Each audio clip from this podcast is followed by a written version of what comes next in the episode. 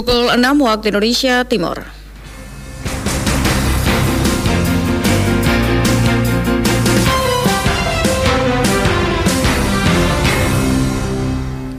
Radio Republik Indonesia Fak-Fak dengan Warta Berita Daerah. Kami anggota kontrak Satpol PP Kabupaten Fakfak tahun pengangkatan 2011 dengan ini menyatakan sikap kepada Bupati Fakfak tolong memperhatikan dan memprioritaskan tenaga kontrak garing PTT di lingkungan Satuan Polisi Pamung Praja Satpol PP Kabupaten Fakfak target di bulan September ini kita berharap bisa selesai tetapi kalaupun meleset karena adanya misalnya kayak mobilitas penduduk yang tinggi sehingga para petugas juga kesulitan untuk menemui warga. Lalu mungkin ada hal-hal lain yang belum bisa dilaksanakan.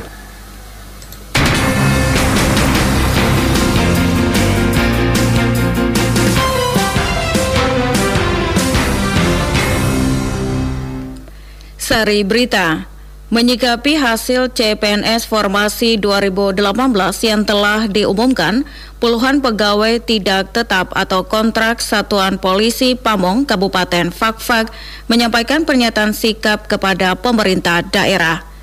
Pembentukan kelompok kerja jaminan persalinan tingkat Kabupaten Fakfak tahun 2020 diharapkan dapat meningkatkan akses pelayanan kesehatan bagi ibu hamil, bersalin, dan nifas, serta bayi baru lahir. Itulah berita utama pagi ini, selengkapnya bersama saya Hatijah Baco.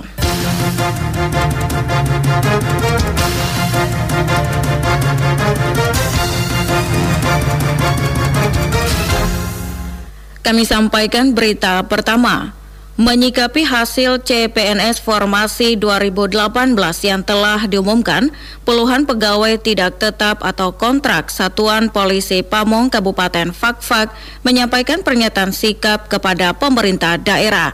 Berikut laporannya. Pertama itu jumlah formasinya dulu kita harus minta dari pusat untuk bisa masuk. Kemudian coba kita inventarisir lagi kebutuhan kita mudah-mudahan bisa mengakomodir saudara-saudara yang sudah honor maupun juga tekan yang ada di, di luar yang sedang mencari pekerjaan. Saudara puluhan pegawai tidak tetap atau kontrak Satuan Polisi Pamung Praja saat Pol PP Kabupaten Fakfak kemarin melakukan aksi dengan mendatangi Bupati di kediamannya untuk mempertanyakan hasil CPNS Formasi 2018 yang telah diumumkan beberapa hari lalu. Setibanya di kediaman Bupati, pegawai pegawai tidak tetap atau tenaga kontrak tersebut diterima langsung oleh Sekda Fakfak Ali Baham Temong Mere di gedung Winder Tuare. Di hadapan Sekda, perwakilan aksi Muhammad Rifai Hendi membacakan pernyataan sikap anggota kontrak Satpol PP yang pada intinya meminta pemerintah daerah memperhatikan mereka untuk menjadi calon PNS melalui pengangkatan khusus baik tes CPNS atau P3K yang akan datang. Kami anggota kontrak Satpol PP Kabupaten Fakfak menyatakan bahwa sesuai pengumuman hasil CPNS formasi 2000 2018 di Kabupaten Fakfak. Maka dengan ini kami anggota kontrak Satpol PP Kabupaten Fakfak tahun pengangkatan 2011 dengan ini menyatakan sikap kepada Bupati Fakfak tolong memperhatikan dan memprioritaskan tenaga kontrak garing PTT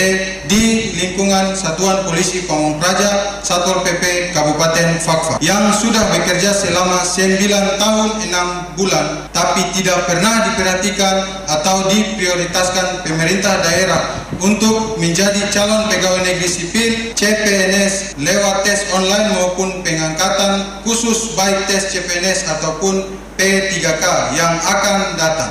Menanggapi pernyataan sikap yang disampaikan tersebut, Sekda Ali Baham Temong Mere mengungkapkan pemerintah daerah akan memperjuangkan dengan cara mengusulkan jumlah formasi serta menginventarisir kebutuhan sehingga dapat mengakomodir honorer di daerah ini. Tidak ada memang kali ini formasi khusus untuk satpol memang tidak ada. Kita punya P3K juga belum. Karena P3K ini berhubungan dengan analisis kebutuhan pegawai. Kita berdoa mudah-mudahan saja dengan kebijakan. Ini kan kebijakan pusat ya. Bahwa ini bagaimana dengan mereka yang kerja. Tadi ada saya dengan ada 7 tahun, 9 tahun. Dan Mursunnya waktu ini bagaimana? Nah, ini ditanyakan oleh Bupati Fakfak pada waktu pertemuan itu. Dan dijawab mudah-mudahan saja itu bisa menjadi perhatian. Jadi setelah ini kita akan merumuskan yang kaitan dengan hal-hal itu. Sehingga mudah-mudahan saja suara hati atau aspirasi ini kita dapat mendelanjuti apa yang disampaikan ini. Dari luar, dari publik yang umum ini juga menyampaikan rasa kurang, ternyata di dalam juga. Tapi apa daya, tiap hari yang saudara yang bekerja menjaga kantor, menjaga pejabat, semuanya. Tapi karena ketika formasinya tidak khusus, maka ada keterbatasan. Pantauan RRI, aksi tersebut diawali dari kantor Satpol PP, kemudian menuju ke rumah Kepala Badan Kepegawaian dan Pengembangan Sumber Daya Manusia BKPSDM Kabupaten Fakfak dan selanjutnya beserta aksi melakukan long march menuju rumah negara. Demikian Niko Aflobun melaporkan.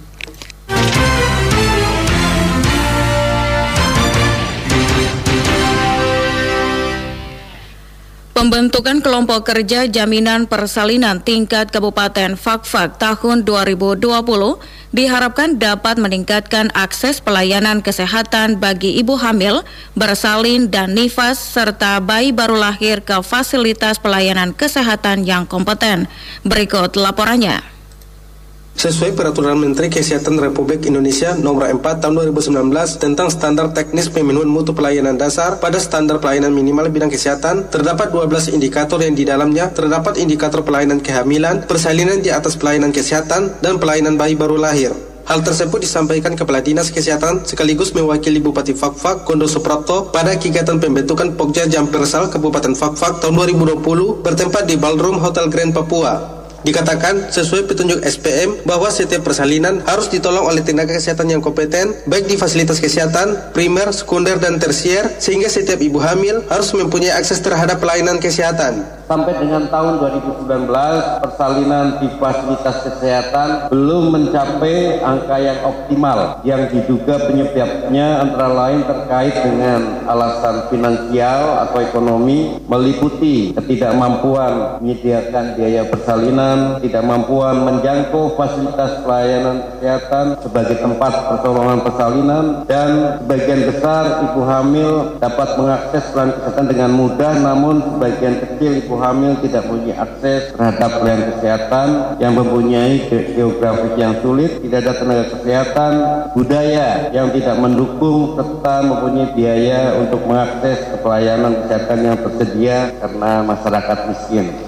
Menurut Gondo Suprapto, di tahun 2019 masih terdapat 115 atau 7,73 persen jumlah ibu bersalin tidak di fasilitas kesehatan sehingga persalinan dirasakan menjadi tidak aman dan dapat menyebabkan kematian ibu dan bayi karena tidak memadai dari pemerintah pusat diberikan dana yang disebut dana jam persal, jaminan salinan dari dana DAK atau dana DAK, dana alokasi khusus non fisik yang dilaksanakan oleh Dinas Kesehatan Kabupaten Kota yang mencakup semua penerimaan dan pengeluaran dalam rangka mendekatkan pelayanan kepada ibu dan anak melalui mobilisasi persalinan ke fasilitas kesehatan yang kompeten dengan tujuan terjadinya keterlambatan pada penanganan ibu hamil, ibu bersalin, nifas, dan bayi baru lahir, terutama di daerah dengan fasilitas pelayanan kesehatan melalui penyediaan biaya transportasi atau rujukan ke fasilitas pelayanan kesehatan, penyediaan rumah tangga kelahiran atau RTK bagi ibu hamil yang membutuhkan dan jasa pertolongan persalinan bagi ibu hamil yang miskin, tidak mampu dan belum memiliki kartu jaminan kesehatan nasional atau kartu Indonesia Sehat atau sumber pembiayaan lainnya.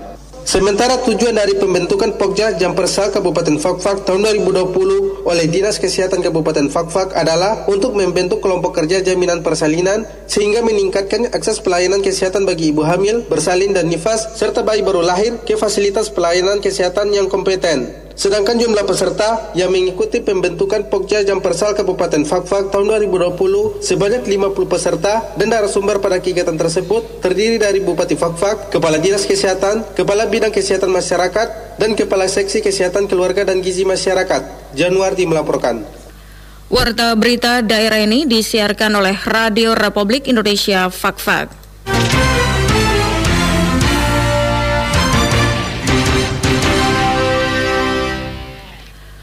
Program penghapusan sanksi administrasi atau denda pajak kendaraan bermotor yang diberlakukan Provinsi Papua Barat besok akan berakhir. Berikut laporan selengkapnya.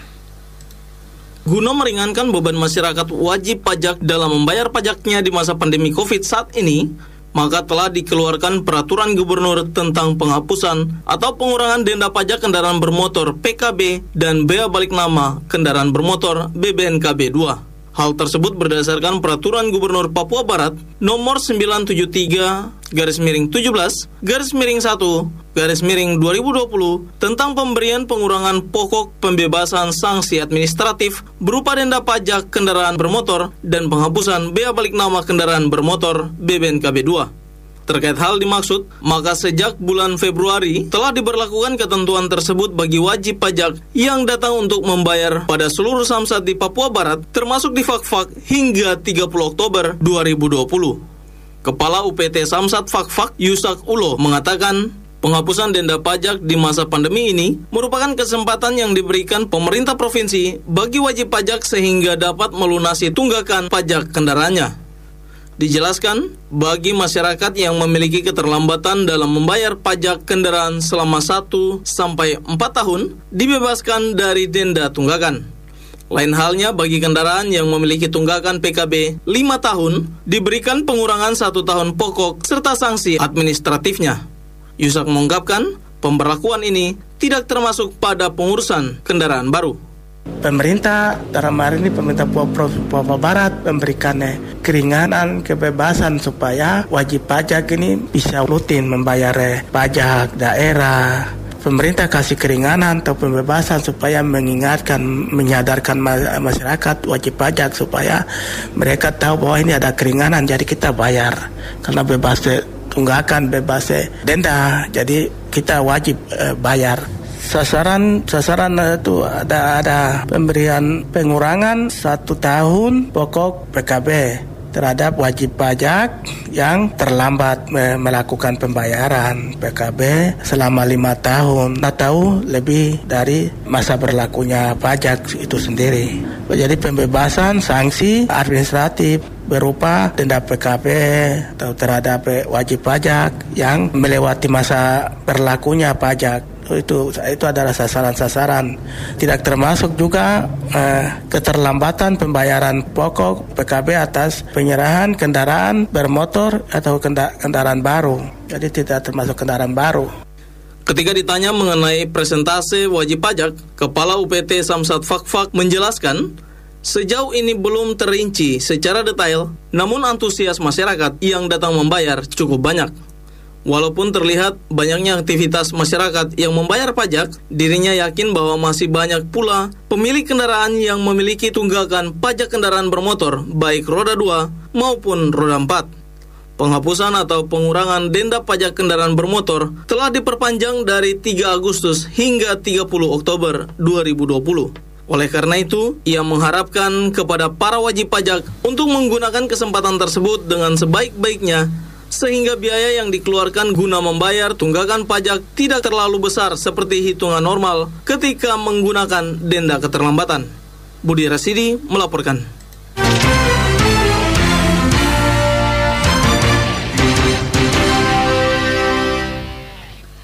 Saudara, sensus penduduk wawancara yang dilaksanakan bulan September ini akan segera berakhir. Lalu bagaimana tingkat partisipasi masyarakat dalam mendukung program pemerintah ini? Selengkapnya dijelaskan Kepala Badan Pusat Statistik BPS Kabupaten Fakfak Cahyo Kristiono dalam wawancara RRI edisi hari ini. Baik Pak Cahyo Kristiono selaku Kepala Badan Pusat Statistik Kabupaten Fakfak kaitan dengan sensus penduduk yang dilaksanakan di tahun 2020. Kita ketahui bahwa sensus penduduk online telah dilaksanakan dilanjutkan dengan sensus penduduk wawancara di mana petugas mendatangi rumah-rumah warga. Oleh karena itu, untuk Kabupaten Fakfak sendiri presentasi partisipasi masyarakat seperti apa? Baik, terima kasih. Jadi sensus penduduk 2020 di bulan September ini kita melaksanakan uh, kegiatan uh, wawancara terhadap rumah tangga rumah tangga. Jadi petugas sensus kita apa turunkan untuk melaksanakan kegiatan sensus penduduk langsung bertemu dengan warga gitu. Ya sampai saat ini memang sebagian besar kita sudah melakukan uh, kegiatan itu ya di di Kabupaten Fakfak ini, tetapi memang uh, belum semuanya kita bisa apa namanya bisa kita anggap selesai karena memang masih dalam progres seperti itu. Kita berharap memang untuk target di bulan September ini kita berharap bisa selesai tetapi kalaupun uh, meleset karena karena adanya misalnya kayak mobilitas penduduk yang tinggi sehingga para petugas juga kesulitan untuk menemui warga lalu mungkin ada hal-hal lain yang belum bisa dilaksanakan sehingga tepat waktu yang mungkin kita akan melakukan lagi di setelah September itu. Baik, dengan demikian setelah batas waktu bulan September, apakah ada tambahan waktu untuk mendata kembali warga-warga yang belum terakomodir di sensus wawancara ini? Yang jelas memang uh, tujuan dari sensus penduduk uh, wawancara ini adalah kita ingin menyediakan data jumlah penduduk tanpa terkecuali ya sehingga kita mengusahakan supaya tidak ada satu penduduk pun yang lewat caca. Sehingga ketika estimasi kita di bulan September itu sudah selesai tetapi karena fenomena uh, dinamika kependudukan ini kan uh, sangat besar dari sisi mobilitas penduduk juga uh, cukup tinggi. Nah sehingga setelah di bulan September ini selesai ketika ada yang masih belum didata kita tetap akan melakukan pendataan terhadap warga gitu.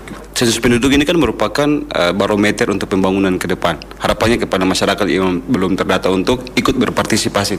Ya, Pertama mungkin saya mengucapkan terima kasih terlebih dahulu kepada setiap warga yang telah boleh menerima kedatangan para petugas sensus eh, di rumah. Eh, saya mengucapkan apresiasi yang besar kepada setiap warga ini karena mereka telah ikut membantu pelaksanaan sensus penduduk yang tujuannya juga akan nanti menyediakan data jumlah penduduk bagi eh, perencanaan pembangunan ke depan itu. Iya. Bagi warga yang belum didata atau pada saat petugas mendatangi rumah dan warga ini mungkin sedang melakukan perjalanan keluar ya kami tetap mengharapkan para warga yang belum terdata ini boleh uh, mempersiapkan dokumen kependudukan seperti NIK, kartu keluarga gitu ya, dan mungkin uh, tetap menerima kedatangan petugas untuk dilakukan pendataan. Karena banyak warga masyarakat yang belum mengerti apa itu sensus penduduk, ini bisa diberikan pemahaman sedikit. Ya betul ya. Jadi uh, sensus penduduk 2020 ini merupakan sensus yang ketujuh yang dilakukan di Indonesia. Jadi sensus uh, ini dilakukan setiap 10 tahun sekali ya, 10 tahun sekali. Jadi tujuan dari sensus penduduk ini ya kita ingin menyediakan data mengenai jumlah ya komposisi, distribusi dan karakteristik penduduk sehingga dari data dasar kependudukan ini akan dipakai oleh pemerintah sebagai bahan uh, perencanaan pembangunan ke depan nanti itu. Jadi uh, pentingnya data ini sehingga kami berharap partisipasi warga uh, melalui atau dengan cara menerima kedatangan petugas dan memberikan jawaban yang benar faktual gitu ya itu memberikan uh, kontribusi terhadap pembangunan di Indonesia. Kemudian yang terakhir uh, pelaksanaan sensus ini kan berada di tengah pandemi COVID-19. Banyak masyarakat juga khawatir petugas sensus ini sendiri telah memenuhi protokol kesehatan ini. Ya memang petugas sensus ini sebelum mereka melakukan tahapan pelatihan petugas itu dan uh, sebelum turun ke lapangan memang uh, mereka diwajibkan untuk melakukan atau menjalani rapid test itu. Dan hasil rapid test menunjukkan bahwa setiap yang melakukan rapid test ini uh, dinyatakan non reaktif ya. Artinya mereka tidak memberikan peluang terhadap penyebaran COVID-19. Nah mereka juga para petugas ini kita bekali juga dengan alat pelindung diri seperti masker dan face shield gitu sehingga juga mengurangi resiko baik dari, untuk si petugasnya juga kepada masyarakat yang didatanginya. Artinya masyarakat tidak perlu khawatir. Betul sekali ya. Baik saudara pendengar, demikian perbincangan singkat kami bersama Kepala Badan Pusat Statistik Kabupaten Fakfak Pak Cahyo Kristiono. Terima kasih atas perhatian Anda.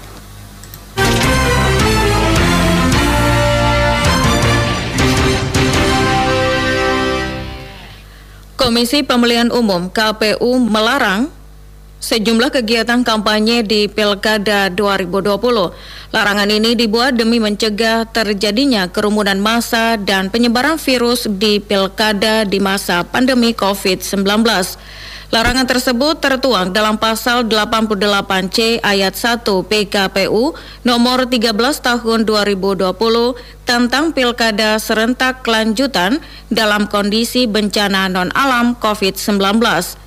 Adapun PKPU ini merupakan perubahan kedua atas PKPU nomor 6 tahun 2020 yang resmi diundangkan pada 23 September 2020.